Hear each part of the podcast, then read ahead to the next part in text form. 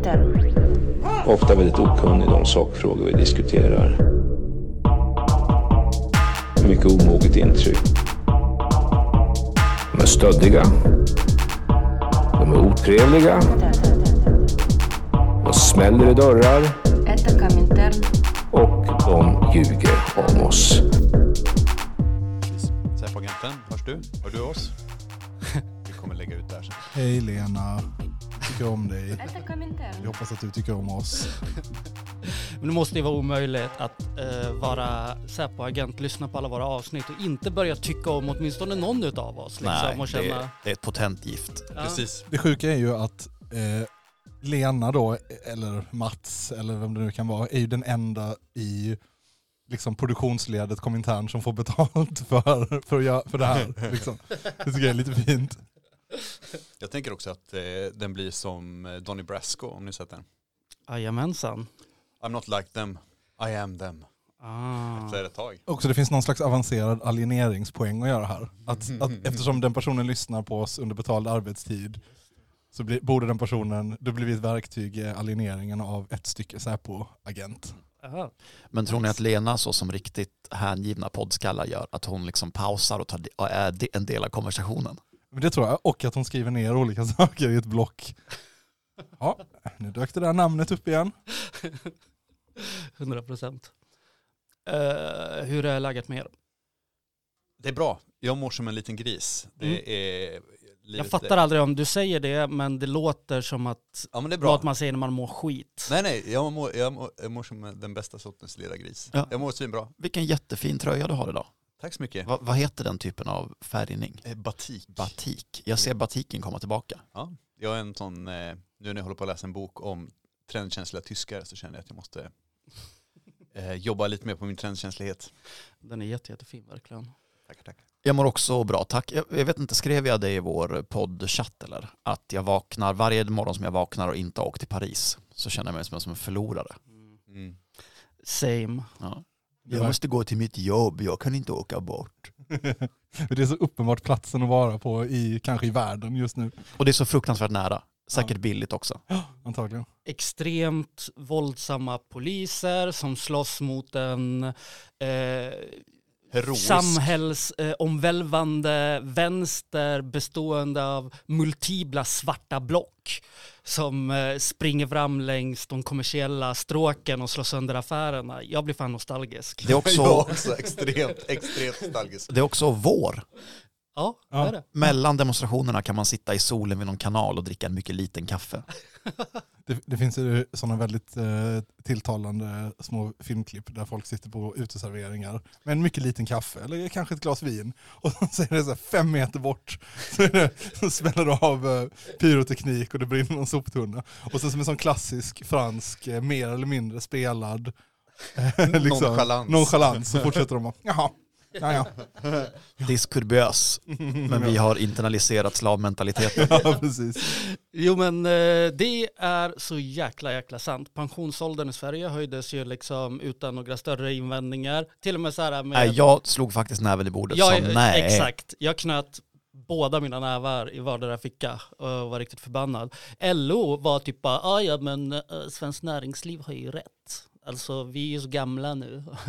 Eh, de kommer gå i pension när de är 65. Så jag menar, Skit i det. Ja. Alltså jag tror på riktigt att man hade kunnat börja bygga eh, en exakt replika av Auschwitz och bara plocka in folk på måfå. Och det hade fortfarande varit så här bara, äh, äh.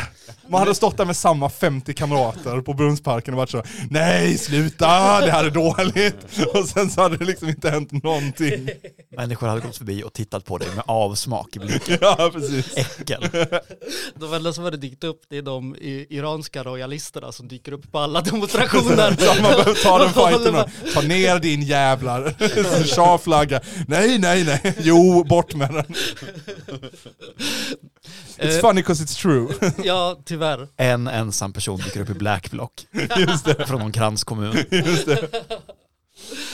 Det vackraste är ju att, så här, att eh, ungdomarna också barrikaderat sina eh, Gymnasieskolor. gymnasieskolor och universitet med sopor som sopgubbarna slutat hämta helt enkelt för att det står helt still och kommunistiska partiet har gått ut och sagt eh, stäng ner all energiförsörjning. Det här är vår chans att avveckla fossilindustrin. Stäng ner allt.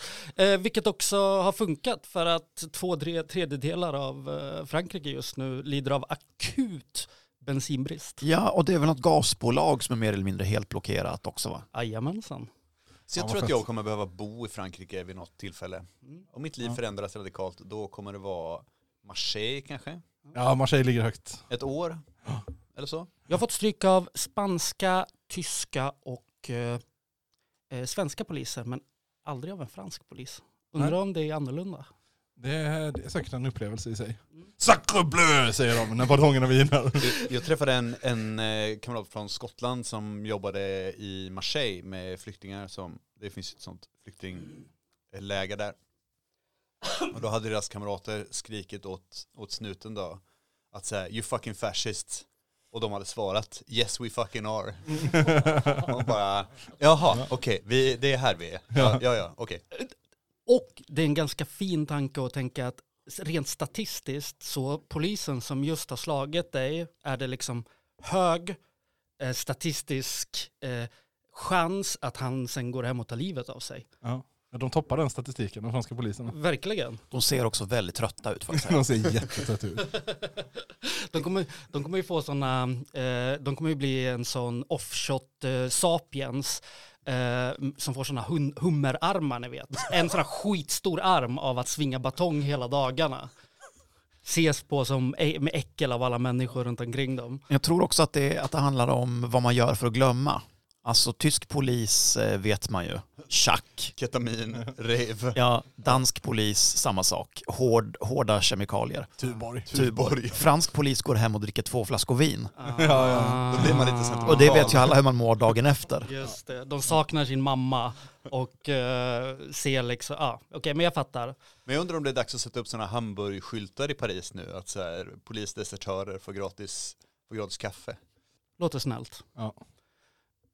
Ja, det är det som händer i Paris och det är asnice. Um, och Paris är väl eh, en av många, alltså eh, man får väl se eh, reaktionen, alltså för att det här är ju på sätt och vis en helt rimlig reaktion.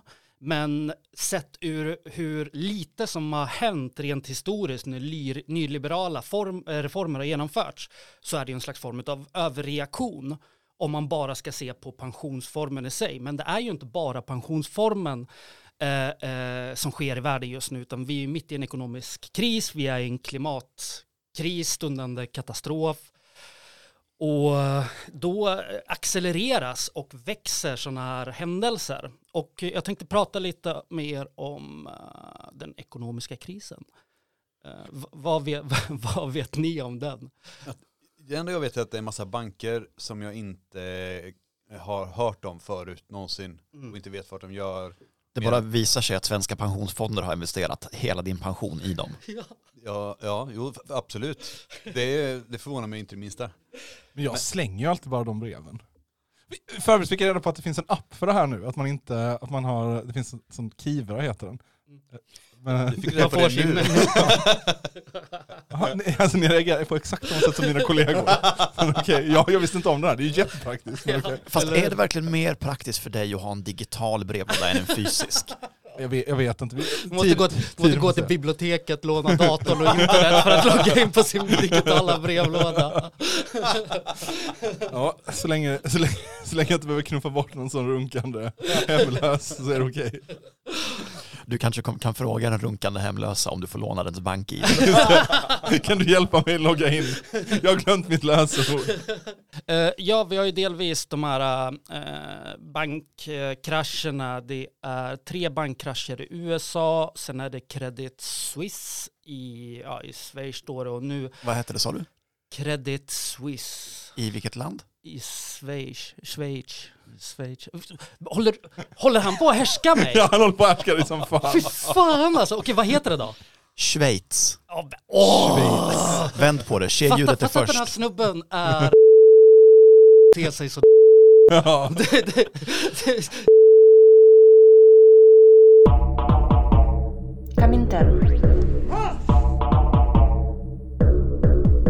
Credit Suisse har ju kraschat också. Eh, Eh, nu senast går det åt helvete för Deutsche Bank som ser sina tillgångar försvinna ut i tomma luften. Och eh, det är inte så konstigt eftersom deras tillgångar bara är luft egentligen, som med alla banker.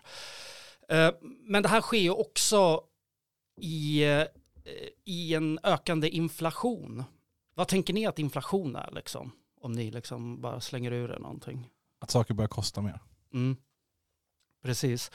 Eh, att saker börjar kosta mer. Och det är typ en naturlag. Ja, exakt. Som man har skylt på arbetare. Exakt, eh, man säger att det är, eh, speciellt i Sverige så går väl det eh, narrativet eh, mycket mer outmanat än vad det till exempel gör i USA. Och i England, England har en jätteintressant debatt om det här. Hur, hur då? Berätta. Ja, men, eh, England hade ju en serie strejker, jag vet inte om de, men poststrejken till exempel i England har ju varit jättestor. Jag vet inte hur mycket det har rapporterats men jag har ändå hört lite om det. Och då så pratar de om att säga, ja, men kommer inte, om ni får högre lön kommer inte inflationen gå upp då? Och någon så här postarbetare på ganska bred dialekt bara, det är inte någon av oss som har haft en, en reell löneökning på tio års tid. Och inflationen går upp ändå. Så hur kan vi hävda att det här handlar om att arbetarnas löner går upp? Precis, eh, exakt du sätter eh, fingret på det. Eh, det- stora näringslivets eh, eh, narrativ och politikernas propaganda är ju att vi har blivit för köpkraftiga allihopa. Så då måste man höja priserna för att eh, kunna eh, bemöta, be, eh, bemöta det. Men det man har sett är ju att det här är ju en ehm, vad heter det, vad är supply? På, Lögn är ordet du söker. en, Tillgång. Ti- Ja, precis. Det här är en eh, Tillgångs. ti- tillgångsdriven inflation. Att priserna höjs eh, eh, endast på eh, distributörernas sida. Det har liksom ingenting med reella löneökningar att göra. Och bara liksom för att slänga ur det, på många platser på jorden så har ju också de eh, reallönen för många de senaste 20 åren totalt raderats och slagits ut nu av inflationen. Ja. Det är roligt, jag pratade med en, en vän och kamrat till oss i, i Stockholm som jobbar ja, man får säga, inom ekonomisektorn. Och han har lite försiktigt gått runt och frågat sina kollegor. Ni vet så. Men är inte, varför är inte, är inte också vinster inflationsdrivande? Och, och, det är, och de bara fnyser åt honom. Alltså för det är en sån allmänt vedertagen nationalekonomisk sanning. Alltså nej, nej, jag kan inte förklara varför, men så är det inte. Mm. Ah. Det är höjda löner som driver inflationen, Mm. inte höjda vinster. Det vet ju alla. Ja, ja, visst. Eh, ja, det, s- exakt, så, så vi kan ju liksom alla konstatera att det är en sjukt dum eh, diskurs kring det hela. Ehm, när det väl är, ens väl är en diskussion. Nu är det liksom bara fokus på eh, ICA-handlarna, men det här är ju ett, eh, ett systemfel såklart. Eller det är det inte alls, det här är inbyggt i systemet. Det är exakt så här det ska fungera för att överföra ehm, rikedomar från proletariatet till eh, överklassen. Så, bara lite snabbt. Det som har hänt i USA är ju att det är tre eh, ganska stora banker som har kraschat. En av dem som du var inne på Andreas är ju eh, Silicon Valley Bank som Alecta hade eh, runt 20 miljarder i eh, premiepensionspengar investerat. Ehm, och de säger bara, äh, det är ingenting, det är lugnt. Det här skedde alltså, kraschen skedde dagen innan Alecta skulle, eh, eh, precis, dagen innan Alecta skulle eh, flytta över ännu mer av sina tillgångar till den amerikanska techindustrin och bankmarknaden.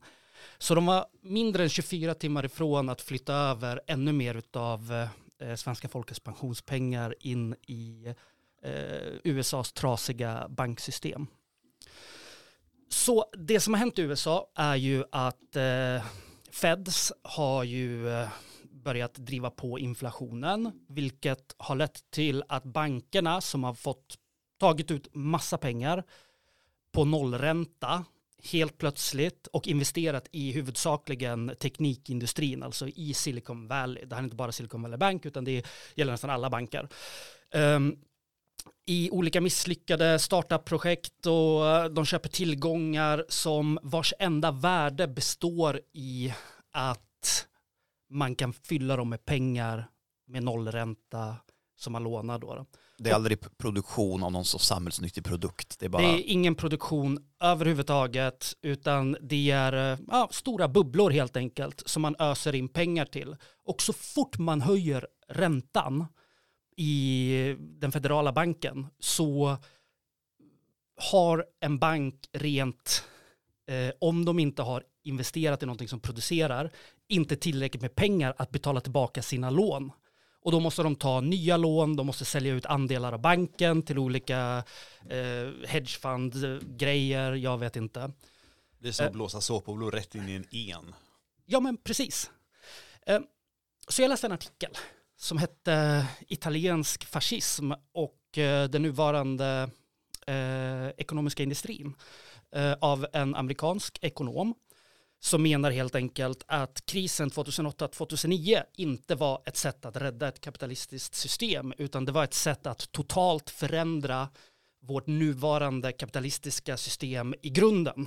Han beskriver det som att eh, det var eh, en extremt ovanlig händelse i och med omfattningen på den.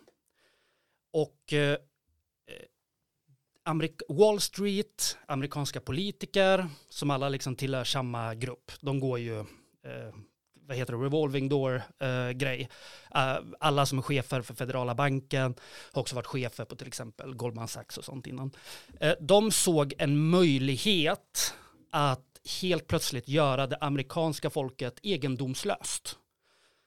Genom att då rekommendera eh, staten att gå in med sådana gigantiska eh, borgenpaket, ersätta bankerna för alla deras förluster, samtidigt som småsparare och pensionssparare förlorade alla sina pengar, förlorade sina hus. Um, så det som hände helt plötsligt var att man hade skapat en jättestor egendomslös klass. Inga bostäder, inga jobb, ingenting överhuvudtaget. Eh, samtidigt som eh, ingen, inga pengar egentligen hade försvunnit. Pengarna hade bara hamnat hos banktopparna. Där de hör hemma. Där de hör hemma.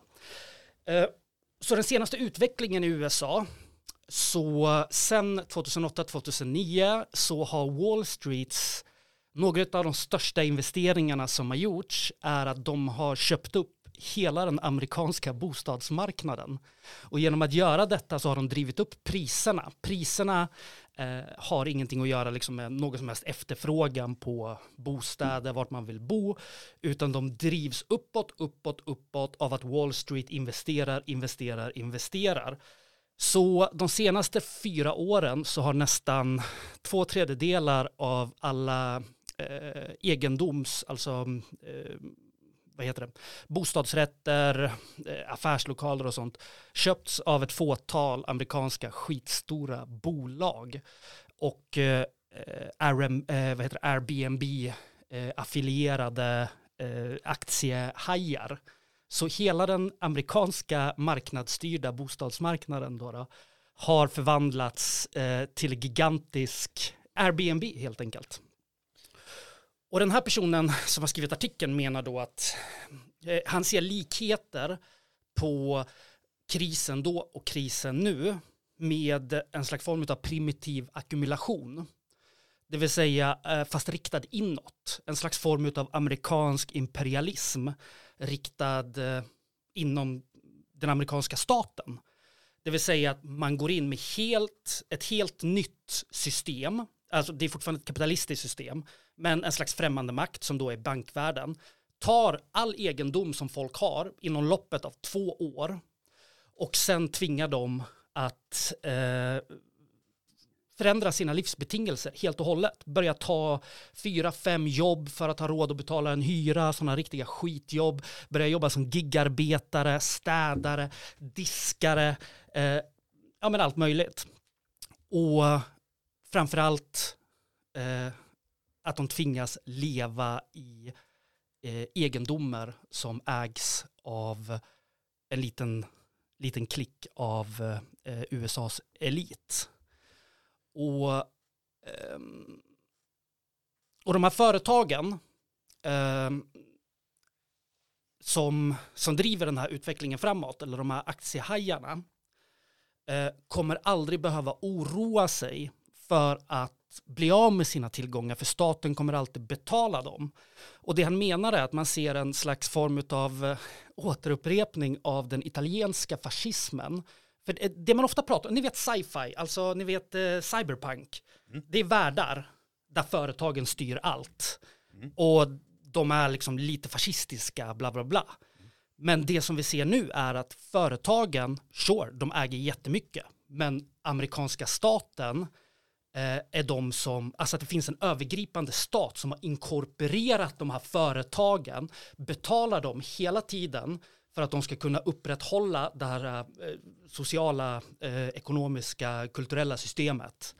Ehm, Om man vill vara, en slags form av, kor- eh, vad heter det? Eh, Korporativism. ja, ko- precis, exakt. om man vill vara blommig i språket kan man säga att staten och kapitalet sitter, sitter i samma båt. De sitter i samma båt, Ja. men ehm, Men vem är det som ror? Eh, skillnaden här nu är att eh, det inte finns några som helst, eh, eh, vad heter det, eh, reella gränser längre mellan eh, det politiska och ekonomiska. Och jag menar, sure, man kan argumentera för att i ett kapitalistiskt system så, ehm, alltså att vi lever i första hand i ett kapitalistiskt system, i andra hand så lever vi i en liberal demokrati. Men det finns, ehm, man måste kunna lägga begrepp på de skillnader som finns inom de här, eh, där kapitalismen manifesterar sig. Förstår ni typ vad jag menar? Ja, Ja. det finns, någonting har hänt. Ja, någonting har Det, hänt. det, det är reduktivt att säga, ja men eh, staten och kapitalet har alltid i samma båt. Precis. Jo, ja, på ett sätt är det sant, men det finns också grader i helvetet någonstans. Ja. Det är olika båtar. Exakt. Men jag tycker att det är, när du pratar om att, här, att amerikanska staten har blivit en, en inåtvänd imperialism, att, för det är inte första gången som det språket används på amerikanska staten, utan det är ju någonting som härstammar tillbaka från 60-talet, Mm. när man pratar om att eh, den svarta befolkningen i USA eh, lever under ett imperialistiskt förtryck från liksom, den amerikanska staten. Bara att i nuläget så drabbar det den amerikanska majoritetsbefolkningen på ett helt nytt sätt. Liksom än vad det gjorde liksom i Watts eller eh, Compton eller något annat sånt eh, svart getto på, på eh, 60 eller fram till när gentrifieringen drog igång på allvar. Mm. Jo men exakt, det, det är ju precis det som händer, att alla har blivit en marginaliserad, alla är en marginaliserad grupp i USA. Eh, och det är inte ett proletariat, eh, för ingen jobbar inom någon slags form av eh, eh manufaktur eller har ens ett, ar- ett arbete som de går till dagtid.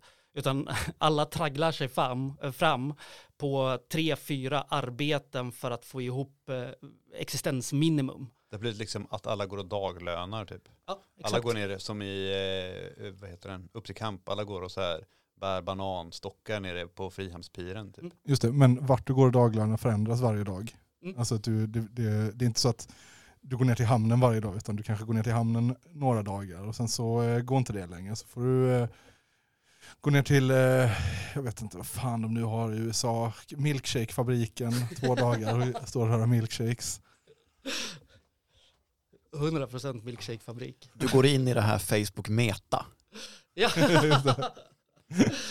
Usch, Så visar du ditt virtuella rövhål för någon. Går ut med någons virtuella hund, utger dig för att vara en kvinna och säljer bilder på dina fötter.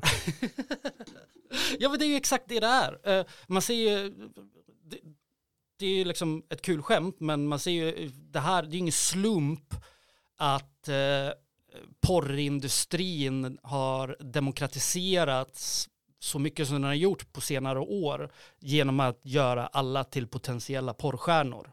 Eh, alltså någon slags form av sexuell exploatering. Eh, man är tillbaka, där, där är det ju en extrem tillbakagång eh, till ja, men 1800-talet, tidigt 1900-tal, där alla kvinnor är potentiellt eh, prostituerade helt enkelt. Ja. Extremt deprimerande. Kort passus, men, men har ni sett någonting om den här VR-flickvänskrisen? Nej. Nej. Alltså det är den, den största tillhandahållaren då av virtuella flickvänner. Alltså en, Men jag hatar samtidigt. alltså en AI i din dator. Vänta, jag utsätts för det här konceptet första gången nu här, men okej. ja. Du, du, har, du har sett eh, Jacqueline Phoenix i Her? Nej. Okej.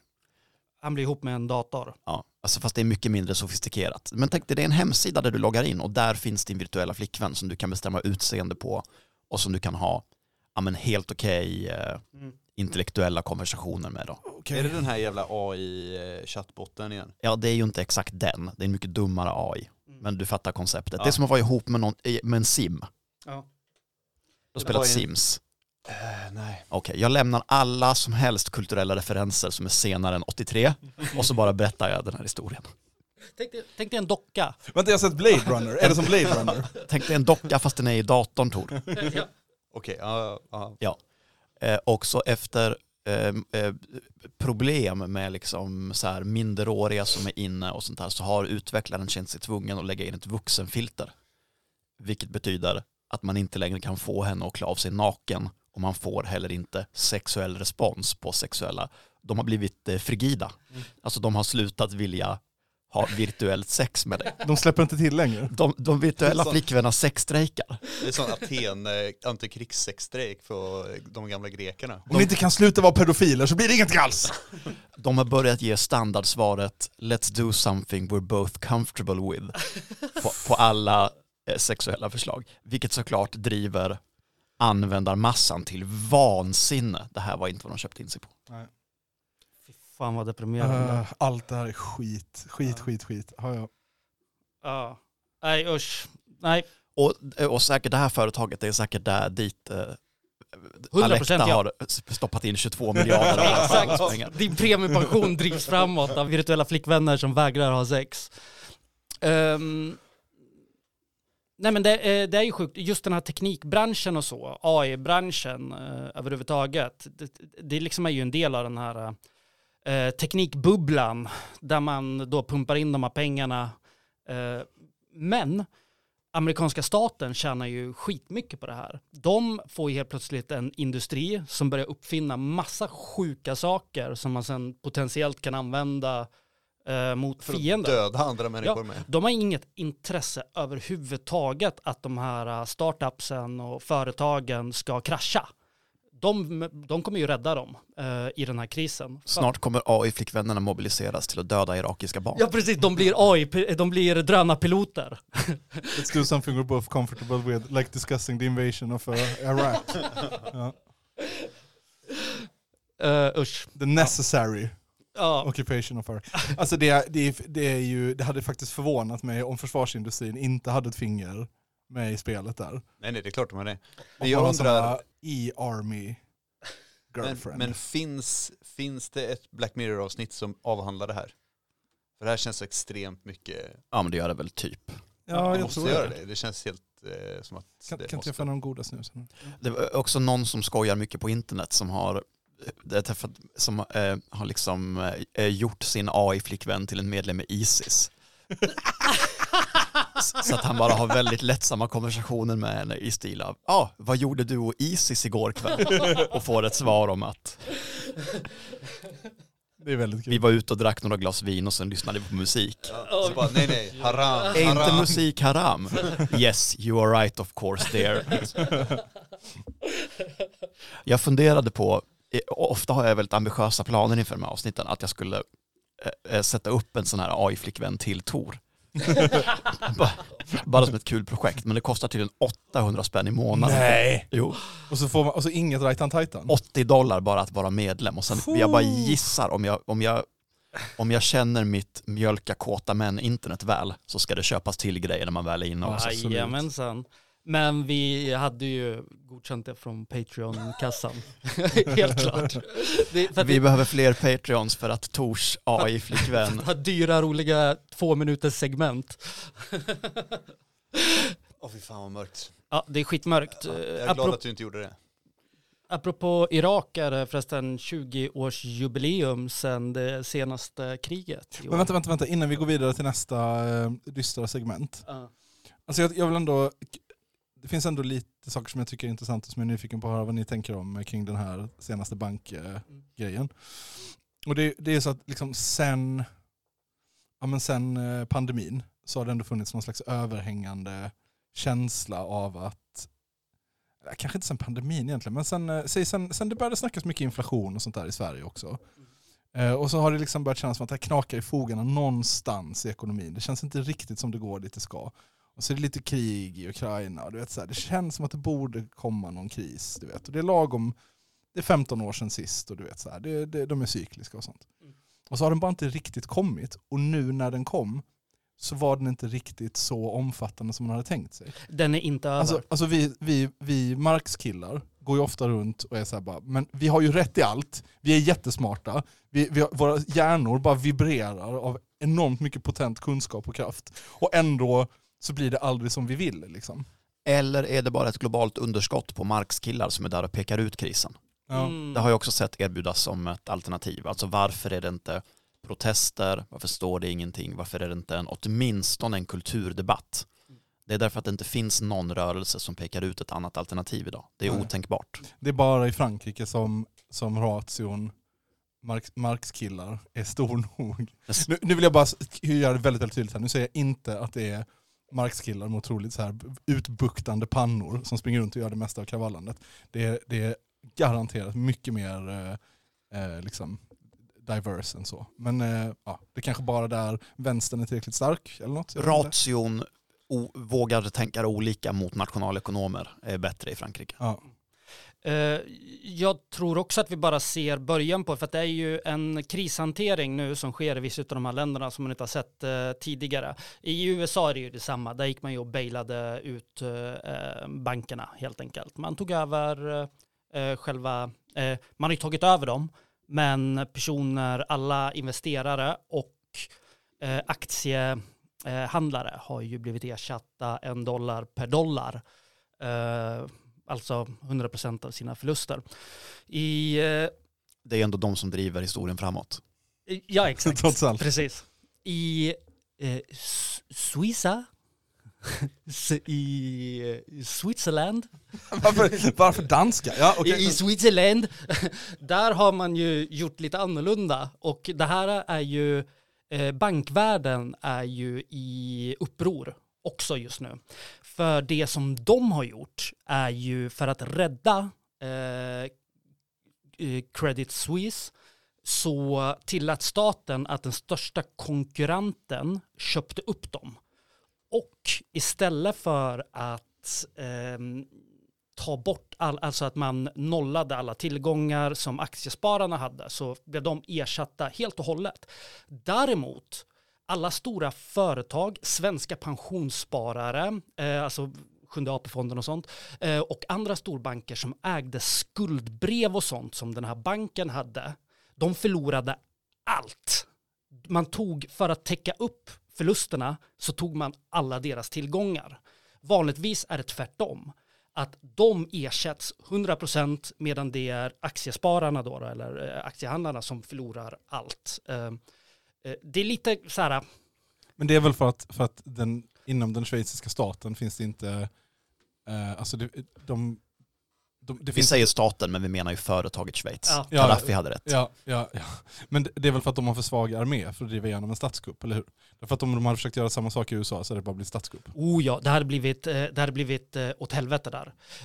Och det, men det man kan se är ju att det kan ha varit en helt felberäkning utav Suiza eh, på det stora hela. Eh, för nu har eh, olika har amerikanska F16-plan Ja, precis. på väg Precis. mot Schweiz. Nej men nu har ju eh, olika storbanker och sånt eh, förlorat lusten att äga alla skuldbrev i andra banker och börjar avinvestera. De är livrädda. I, från att ha kunnat tjäna pengar på det så är de livrädda. Och eh, är det slut, alltså, det, det kanske låter mig- som en bra grej, men i slutet av ändan så kommer det ändå innebära att alla vanliga människor förlorar alla sina pengar medan staten går in med gigantiska sparpaket och räddar storbankerna ändå. Men Liksom. det, men det kommer det vara i alla fall. Alltså, så det kommer det vara ändå. Och då kan jag ändå dra lite på smilbanden åt att storbanker är, är livrädda. Ja.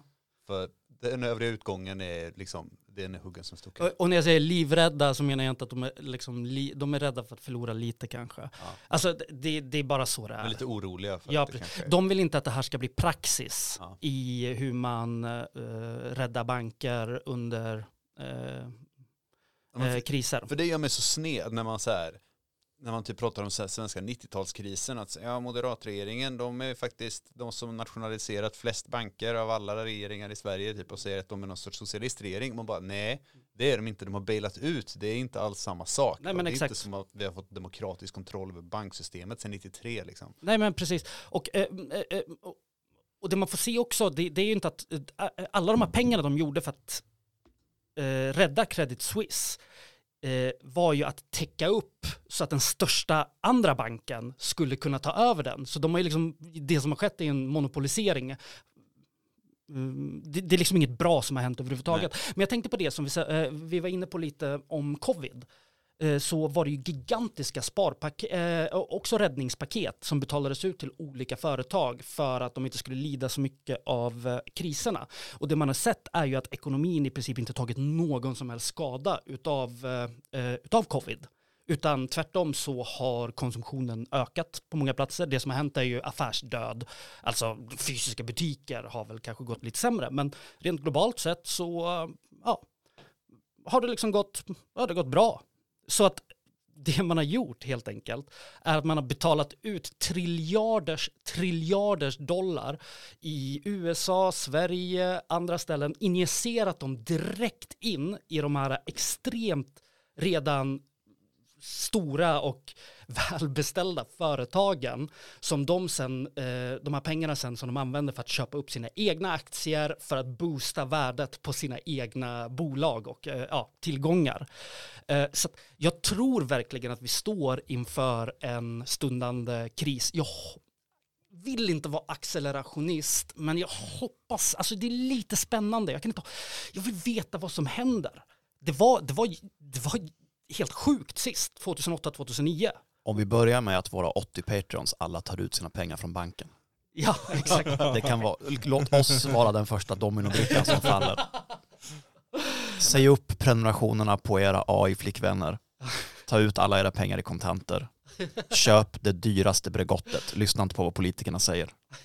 Men vi borde väl ändå, det här kanske vi ska återkomma till när vi har fått kika lite mer på det, men eh, man borde ju kunna göra någon recension av vad som hände efter förra, efter förra krisen, 28-29. Eh, den borde ändå kunna ge en viss fingervisning om vad som, vad som kommer hända. Även, bara det att vi är en sämre, i någon mån en sämre utgångsposition liksom nu än vad vi var då. Både sämre och bättre om man, om man tänker specifikt på det amerikanska, nordamerikanska proletariatet tänker jag. Mm. För att de har ju ändå haft en, en, en riktigt god revolt under bältet. Mm, i jo, det är sant. Och de, för att eh, jag menar, jag tror ändå de flesta, om man ser tillbaka på eh, Alltså på bankkrisen så får man väl ändå se Occupy som ett svar på det. Liksom. Absolut, 100 procent. Och jag tror att de flesta är eniga om att det var ett undermåligt och eh, inte så effektivt svar. Mm. Eh, och att eh, liksom, eh, upp, upproren i USA, vad är det 2020? Under sommaren där.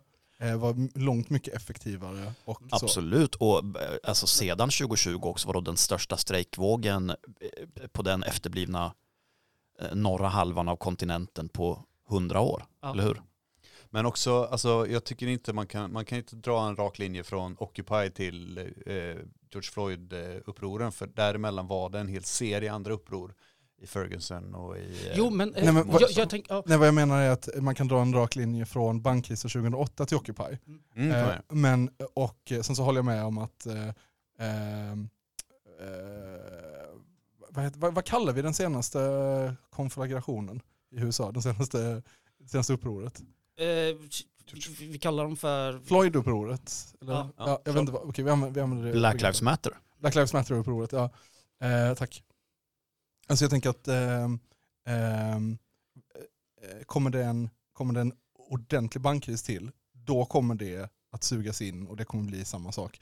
Om det finns någon slags jävla rättvisa här i världen. Liksom. Mm. Jag, jag, tänk, eh, jag tänker att det, man kan liksom se på direkta svar, alltså explicita eh, rörelser som till exempel Occupy, där det handlar om, där de eh, adresserar det problemet med eh, USAs finansiella institutioner och kapitalistiska system. Men eh, bankkrisen har ju implicita konsekvenser också och de implicita konsekvenserna är att alla får det sämre och de som redan har det dåligt, de får det ännu sämre. Samtidigt som det sker en militarisering av inhemsk polis, eh, av en accelerering utav imperialism över havet, eh, vilket skapar de här situationerna där eh, den här typen av eh, Black Lives eh, eh, Matter-rörelser och sånt också kan få en mycket större uppslutning. Det, slut, det blir helt plötsligt, um, vad heter det, när alla, att det eh, överbryggar den specifika frågan och engagerar andra grupper av samhället också. Uh, och jag tror att om man kollar på svaren efter 2008-2009 så var det ju ingenting som dog ut 2010 utan de här upproren runt om i Europa, i Grekland, i Spanien, eh, i Portugal eh, fortgick i flera, flera år och eh, i vissa ställen på jorden så blev inte bankkrisen märkbar förrän 2011-2012 och skapade eh, extremt stark liksom, respons av eh, befolkningen. Och det vi har nu är folk som var med då och blev utsatta för den extrema repressionen, eh, misshandel, fängelse, eh, traumat av att förlora allt man har, som ännu en gång ser sina barn eller återigen blir offer för det här. Så jag tror på en mycket mer potent eh, rör, en mycket mer potent rörelse kan växa fram, förhoppningsvis. Som också, och det, och det kommer man ju alltid eh, hoppas på som, som kommunist och revolutionär, men den här gången så kommer vi inte gå i den socialdemokratiska fällan. Det kommer inte, alltså man tittar på Grekland liksom, sossarna alltså det socialdemokratiska arbetarpartiet av Grekland, vad fan de nu heter, liksom, de supersviker, de kollapsar, rimligt. Trottesossarna kommer in, de sviker, rimligt, åt helvete med dem. Ska vi gå i fällan en tredje gång? Svaret är ja, det kommer vi göra. Men, men det, kanske, det kanske, kanske kan bli en fjärde gång om ytterligare tio år där vi inte går i den fällan. Och det faktiskt blir en riktig revolutionär rörelse. Och det är väl det jag håller med om, att det är klart att man är oroad och stressad och man tänker liksom på sitt eget lilla liv och att eh, det hade varit skönt om man inte blir totalt ruinerad och kanske hade någon slags eh, pension kvar eller whatever. Man tänker på alla de människorna runt om i världen som kommer få det fruktansvärt dåligt. Men det är också så att kapitalismens kriser är våra möjligheter. Det ja. kanske dyker upp något. Ju sämre ju bättre. Ju sämre ju bättre. eh, nej men jag tänkte på det i Grekland nu till exempel. Eh, folk eh, i media rapporteras det om att de här kravallerna har att göra med att folk är arga på tågbolagen. Eh, den här tågolyckan ni vet som hände mm. med massa döda studenter. Vilket så här, jo det är väl klart att man är arg på tågbolaget.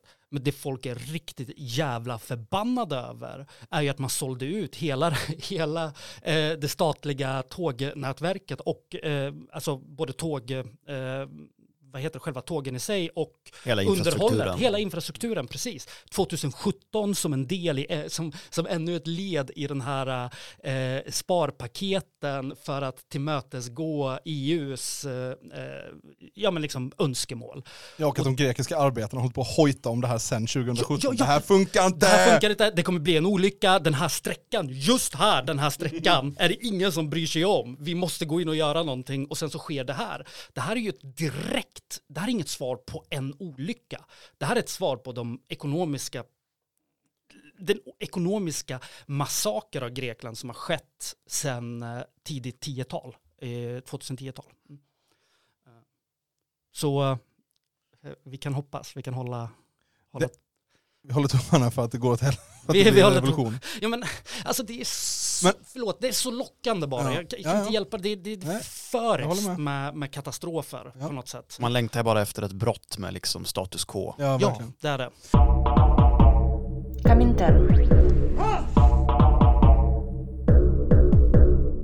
För, men det är, det är så att det händer mycket i världen och eh, du vet så här, det känns som att allting är on the brink of collapse hela tiden. Men, men det händer ju faktiskt rätt mycket spännande saker i Sverige också, eller hur? Mm. Som till exempel eh, i Hässleholm. Ja. Har, du, har, du, har du avslöjat en, en hårresande politisk utveckling där en SD-topp kanske eller kanske inte har försökt betala två, de lokala ägarna av en vikingaby att agera torpeder i någon slags fastighetstvist som kommunen driver. Det här känns, så, det här känns som pi, sån himla peak SD. De bara, okej vi behöver, dels att det är en fastighets, att de har på med något sorts fastighetssvindleri. Det är alltså de svartbygge då det gäller. Ja. sitter vid makten, de bara, ja men vi kan, vi, om vi svindlar lite så tjänar jag mer pengar. Liksom. Det känns som, det är liksom så SD eh, 101. Och sen så, Att det är svartbygge på en vikingaby. och att det på en vikingaby. Och sen så, och också det här ålderdomshemmet, att det är någon som har anmält ett ålderdomshem och de bara, okej vi behöver torpeder. Vilka har vi? Okej men vi kanske kan... Vi har Oddvar och Nils som driver vikingabyn. Vi kanske ska ha några 17-åringar som är så störda i huvudet och på glid. De bara nej, nej, nej, nej, nej, nej, nej. Vi har en 45-årig och en 53-årig vikingalajvare här med, med en begynnande falkonbuk och, och, eh, och sånt riktigt eh, illegalt. Sådana potati, potatissäckar med hål i också så att det ska se ut som gamla Ja, kläder. det är Nordman liksom. Och så bockskägg. Och så bara, ja men de, de känns, de känns som att de har det här bärsärkarraseriet i sig. Vi anlitar dem som... Men det är ju hela Mattias Karlssons fuktiga raskrigsfantasi också. Ja, ja! Att Oddvar och Nils iklädda vikingakläder ska rensa upp bland slöddret. Ja, de ska dränera träsket liksom, med medels svärd och spikklubba. Nej. Men det är också fett att den här dealen då, om den nu är sann, liksom, ska ha slutits på ett gammalt gravfält. Ja, Att de har liksom stått så här i morgon, morgondiset, morgondimman. Och bara så, jag vill att du löser det här åt mig Oddvar. Jag bryr mig inte om hur. jag, vill, jag vill inte veta hur. hur. Hur ni löser det här, det vill jag inte veta om. Och sen ser man i så i, i eh, Skånska Dagbladet att Oddvar också är en så jävla halvmesyr till vikingalajvar för att han sitter i en sån här vad heter det här motorcykelmärket? Harley Davidson. Han sitter i så Harley Davidson hoodie och dricker en Red Bull. alltså, vad fan Oddvar? Come on, det här är inte mitt valhall. Nej, nej, nej. Nej, Det är så mycket. Men och sen, så det, och sen så det viktigaste av allt, alltså det viktigaste som gör att det här, som sätter SD-pricken över det, skitsamma, eh, de eh, är att de har ju spelat in i hemlighet. Alltså det är en sån paranoid och eh, sån eh, jävla rygghuggarrörelse. Alltså. Precis. För hon, SD-kvinnan påstår ju att hon har blivit utpressad till att försöka få bygglov och upprätta den här, eller har jag missförstått det? Det är något sånt. Samtidigt som de påstår då att hon har försökt att hyra dem som torpeder för ja, det som Och det roliga, är, det roliga är att antagligen har båda rätt. Alltså båda, det är antagligen sant alltihop. Ja, 100 procent. Eh, och eh, de sitter ju i Hässleholm, eh, sitter ju SD och styr tillsammans med Moderaterna, Centern och um, KD. Moderater och kristdemokrater, va? Precis. Ja, just det. Ja. Och deras så här, stora chock av det här, av liksom den här historien, är att hon har snackat skit om dem. allt annat, allt fiffel, vikingabyn, gravfältet, gryningen, Ja, ja. det är helt, eh, de bara, okej, ja nej men det såg vi komma. Men att du har, men att du har kallat mig för idiot, det, är- det är Vi har fruktansvärt. inget förtroende för den här kvinnan längre. Ja, Ja. Det, är, det är som det är helt enkelt. Jag tycker det, det, den får ändå tre av fem, den här krisen i Sverige. Ja. Eh, Ja, nej jag ger den alltså som, eh, bara som så varan-tv-sketch så får den ju alltså fyra minst. För det är ju faktiskt 100% en Ja. Comintern. Ja, ska vi gå ifrån eh, den iskalla, stålhårda materiella verkligheten, den finansiella kraschen, Mm. till kulturdebatten, ja. kulturkriget, manligt och kvinnligt. Läser Mm. ni Svenska Dagbladet? Eh, Endast under pistolhot. nej. Det är väl ingen som gör? Nej, nej, jag tror. Eller jag förstår inte, vad är USPen? att få typ halvbakad nyliberalism. Ja, men då läser man typ DN, eller? Mm. Eh, hon, ja, alltså. Det är jättekonstigt. Jag fattar inte, för det är en hemsida som är också typ helt prenumerationslåst. Mm. Jag tror att det är en scam. Jag tror, eh, kom ihåg vad ni hörde det först. Svenska Dagbladet är 100% en bluff. Det är ett luftslott. Där Man tvättar pengar där. Gazprom, Gazprom bara drar sina, sina oljeledningar genom Svenska Dagbladet. Men så de äh, har ju en kultursida och då har de ju också en relativt ung person som skriver om relationer. Det måste ju varje eh, dagstidning med eh, värdighet ha idag. Han heter Viktor Johansson. Han är lite känd för texter som Tinder har förstört mitt liv. Ja. Och kanske framför allt, superkroppen är min enda valuta. Den fick ganska stor uppmärksamhet för några år sedan. Eh, Det talas om den manliga blicken, men även den kvinnliga blicken är objektifierande. När Victor Johansson började träna ville hans dejter inte längre prata om böcker. Uh, de vill inte prata om Harry Potter bok tre längre. De ville, de ville kolla på hans eh, Han blev för sexig. biceps. Här, är det För här, sex för att snacka med Ulf Lundell. Men han har lyckats igen. Han blivit viral med kulturtexten Kvinnlig vänskap har förstört kärleken. Det här är, det låter som så jävla stark tobak. ja, det- ja, Den är inte så lång, så vi kör. Kroppen var fylld av en sån vild kärlek att jag behövde ställa mig och frosta av frysen. Med handen i ett stadigt grepp om kökskniven högg jag isblocken. Frost och snö yr över ansiktet och jag gör mitt bästa för att fokusera på uppgiften. Alltså vi har brutit redan där. Jag tycker att det här är extremt, extremt obehagligt och att det känns som att han har en, en väldigt, eh, det känns som att eh, liksom, eh, gränsen mellan, eh, mellan kärlek och våld för honom är väldigt eh, flytande. Ja, det, är något, det är något som är stadigt, det sprutar i hans ansikte, han är, han är liksom spänd. Är, ja. Ni är så himla freudianskt förstörda av att gått så mycket i terapi. Jag skulle säga att det här är det enda i texten som är bra. Alltså Viktor etablerar sig som en helt okej stilist. Och sen är resten av krönikan blaj. Okej, okej, okej. Så uppgiften, han frostar av frysen för att låta bli att tänka på henne med stort H. Allt tycktes ha gått så bra. Varje steg i utvecklingen av en modern kärleksrelation hade tagits. Och nu stod jag inför det sista hindret, det mest svårforcerade. Kvinnlig vänskap. Mm. I samband med den fjärde vågens feminism runt 2012 bröt slutligen kommunikationen mellan könen. Jag ställer mig lite frågande till den här definitionen Va? av den fjärde vågens feminism. Helt obegripligt redan, men okej. Men han belägger det här. Det är skönt i alla fall att någon har orkat läsa tillräckligt mycket Habermas för att kunna göra den definitiva uttolkningen av samtidens kommunikativa relationer. Jag tror ändå att det finns en så het akademisk eh, debatt kring vad är den fjärde vågens feminism? Lever vi i den nu? Har den kommit? Är vi redo? Men Viktor, så pang! Klart. 2012. Ja, det är löst. Mannen blev lämnad med datorspel, gymkort och det enkla nöjet att sprida näthat samtidigt som kvinnan vände sig till sina väninnor. Snart växte sig dessa vänskaper starkare än vad kärleksrelationerna hade varit. Och likt all annan evolution så följer sociala och psykologiska förändringar. Den moderna kvinnan fyllde kvällar, helger och semestrar med aktiviteter tillsammans med sina vänner. Beroende av varandra för trygghet och sammanhang blev de känslomässiga banden så starka att inga andra relationer får plats. Det fanns en tid när mannen och kvinnan var förtrogna, när det mest innersta delades i äktenskaplig bädd. Den tiden är inte bara förbi.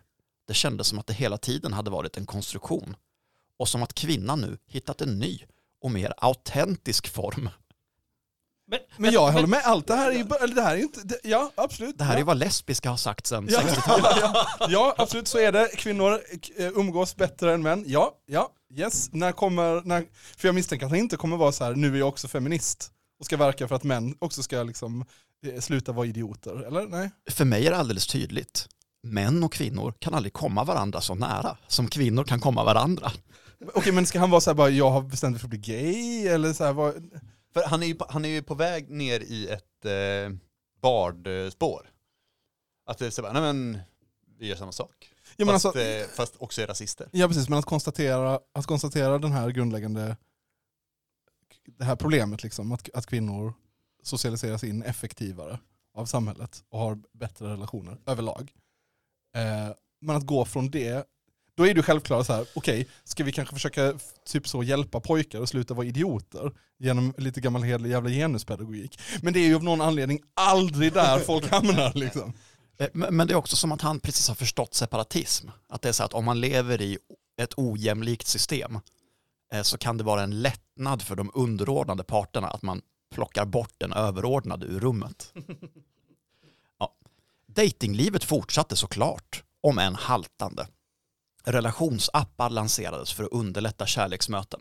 Nej, det var ju för att någon skulle kunna göra vinst på våra relationer. Kultursidor debatterade romantikens död och på nyhetsplats kommer alarmerande siffror om vårt minskade barnafödande.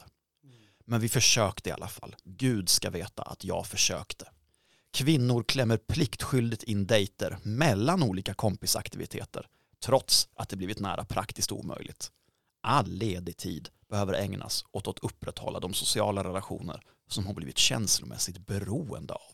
Alltså jag kan, kan inte han bara sluta vara en sån gnällig liten jävla surkuk? Ja, Jag tänker också bara, hur, hur dålig och tråkig är inte den här personen? Alltså det är ju, alltså...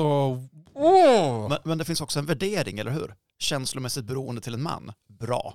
Känslomässigt beroende till vänner, dåligt. Ja, det är också helt absurt. Ja, skriver Viktor. Kvinnlig vänskap tycks ha förstört kärleken.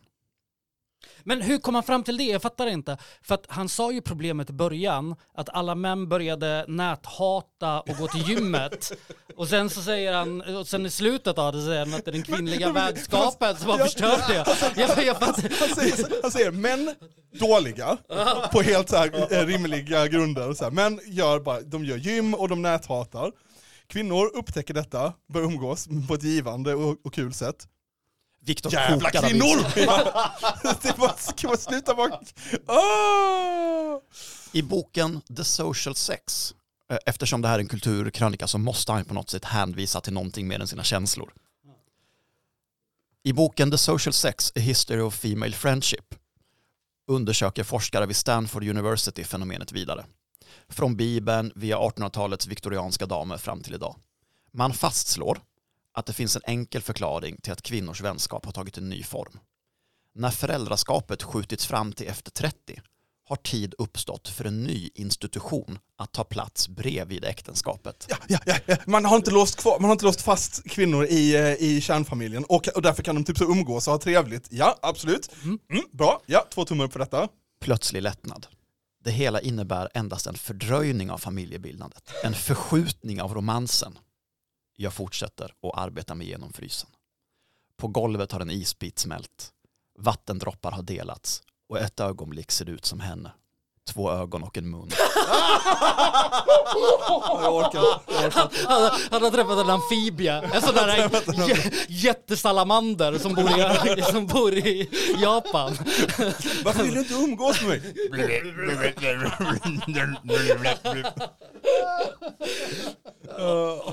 Okej. Ehm, Jag förstår, att den här, jag förstår verkligen att den här kvinnan som han är intresserad av känner sig speciell när han beskriver henne som två ögon och en mun. Han är för sexig. Tinder har förstört hans liv och nu, nu ska hon ha vänner. Nu ska hon ha vänner också och är därför inte intresserad av att prata om de spännande böcker han har läst. Alltså det är ju... Ah. Ja, det här är väldigt svag, alltså till och med för att vara kulturjournalistik så är det här äh, svagt. Eh, Svag sås är det. Det är väldigt, väldigt svag sås. Och jag tänker, han, det, det är lite mer som spoken word. Att orden följer någon slags inre, inre inspiration snarare än ett resonemang.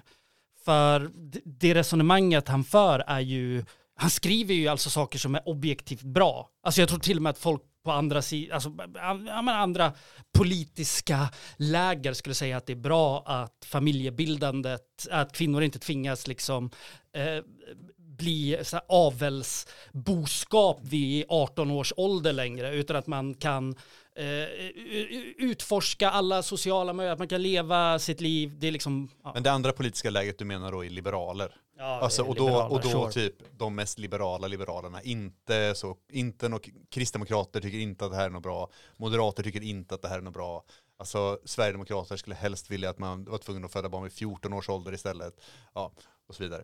Okej, ja, sure. Det är fair point. Ja men det är ju den här känslan av eh, berättigande. Alltså för ponera 100%. att han har rätt. Ponera att den fjärde vågens feminism, Började 2012. den börjar 2012. Kvinnor måste inte längre bli mödrar vid 13 års ålder.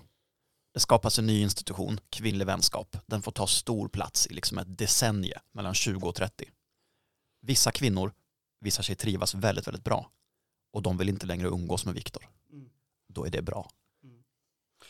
Ja, jag vill veta vad det var som hände 2012 för att det känns som någon slags form av traumahantering också. Vad Alltså att han försöker- om 2012? Han försöker förklara det här i form av så här någon strukturell förändring, någon sån där plötslig paradigmskifte av att eh, fjärde vågens feminism kom och eh, eh, helt plötsligt så fick han inte ligga eller vad det nu var. Han var kär i en tjej som hånglade med en annan tjej på fest.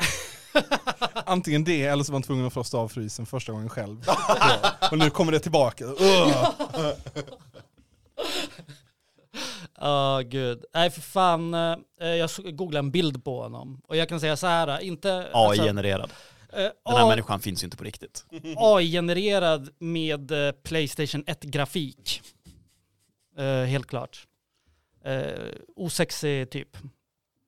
Man skulle vilja ha, alltså en, jag skulle vilja se eh, vår vän eh, Fanny Åström och Viktor i ett panelsamtal.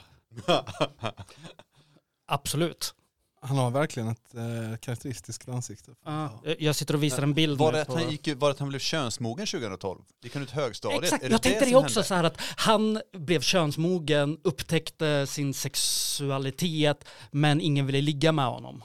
Typ något sånt. Och då var han Men- tvungen att skaffa den perfekta kroppen. Exakt. Men han är äldre än samtliga här i podden. Nej. Nej, det är Jo han då, inte. det är han. Han är född 83. Oj. Va, hur gammal är man då? 40? Då är man Ja, 40. för han Ja, är 40 år. Nej, han är inte, han är inte 40 år gammal den gubben. Då är det inte bara dåligt och pinsamt, då är det ganska äckligt att han skriver sådana här texter. Ja, det finns Lägg lite av, obehagligt. ge upp. Mm. En 23-åring kan ändå, kan vi sitta och göra oss lite lustiga med. Fan en 40-åring det är ju... Fatta ändå vad hemskt det måste vara att veta att Johan Norberg satt och skrev, han hade skrivit fyra böcker om varför kapitalismen är bra. Första boken när han var 22 bast och vara 40 och sitta och skriva om att ens flickvän ser ut som det, eh, den här vattnet som rinner ur frysen.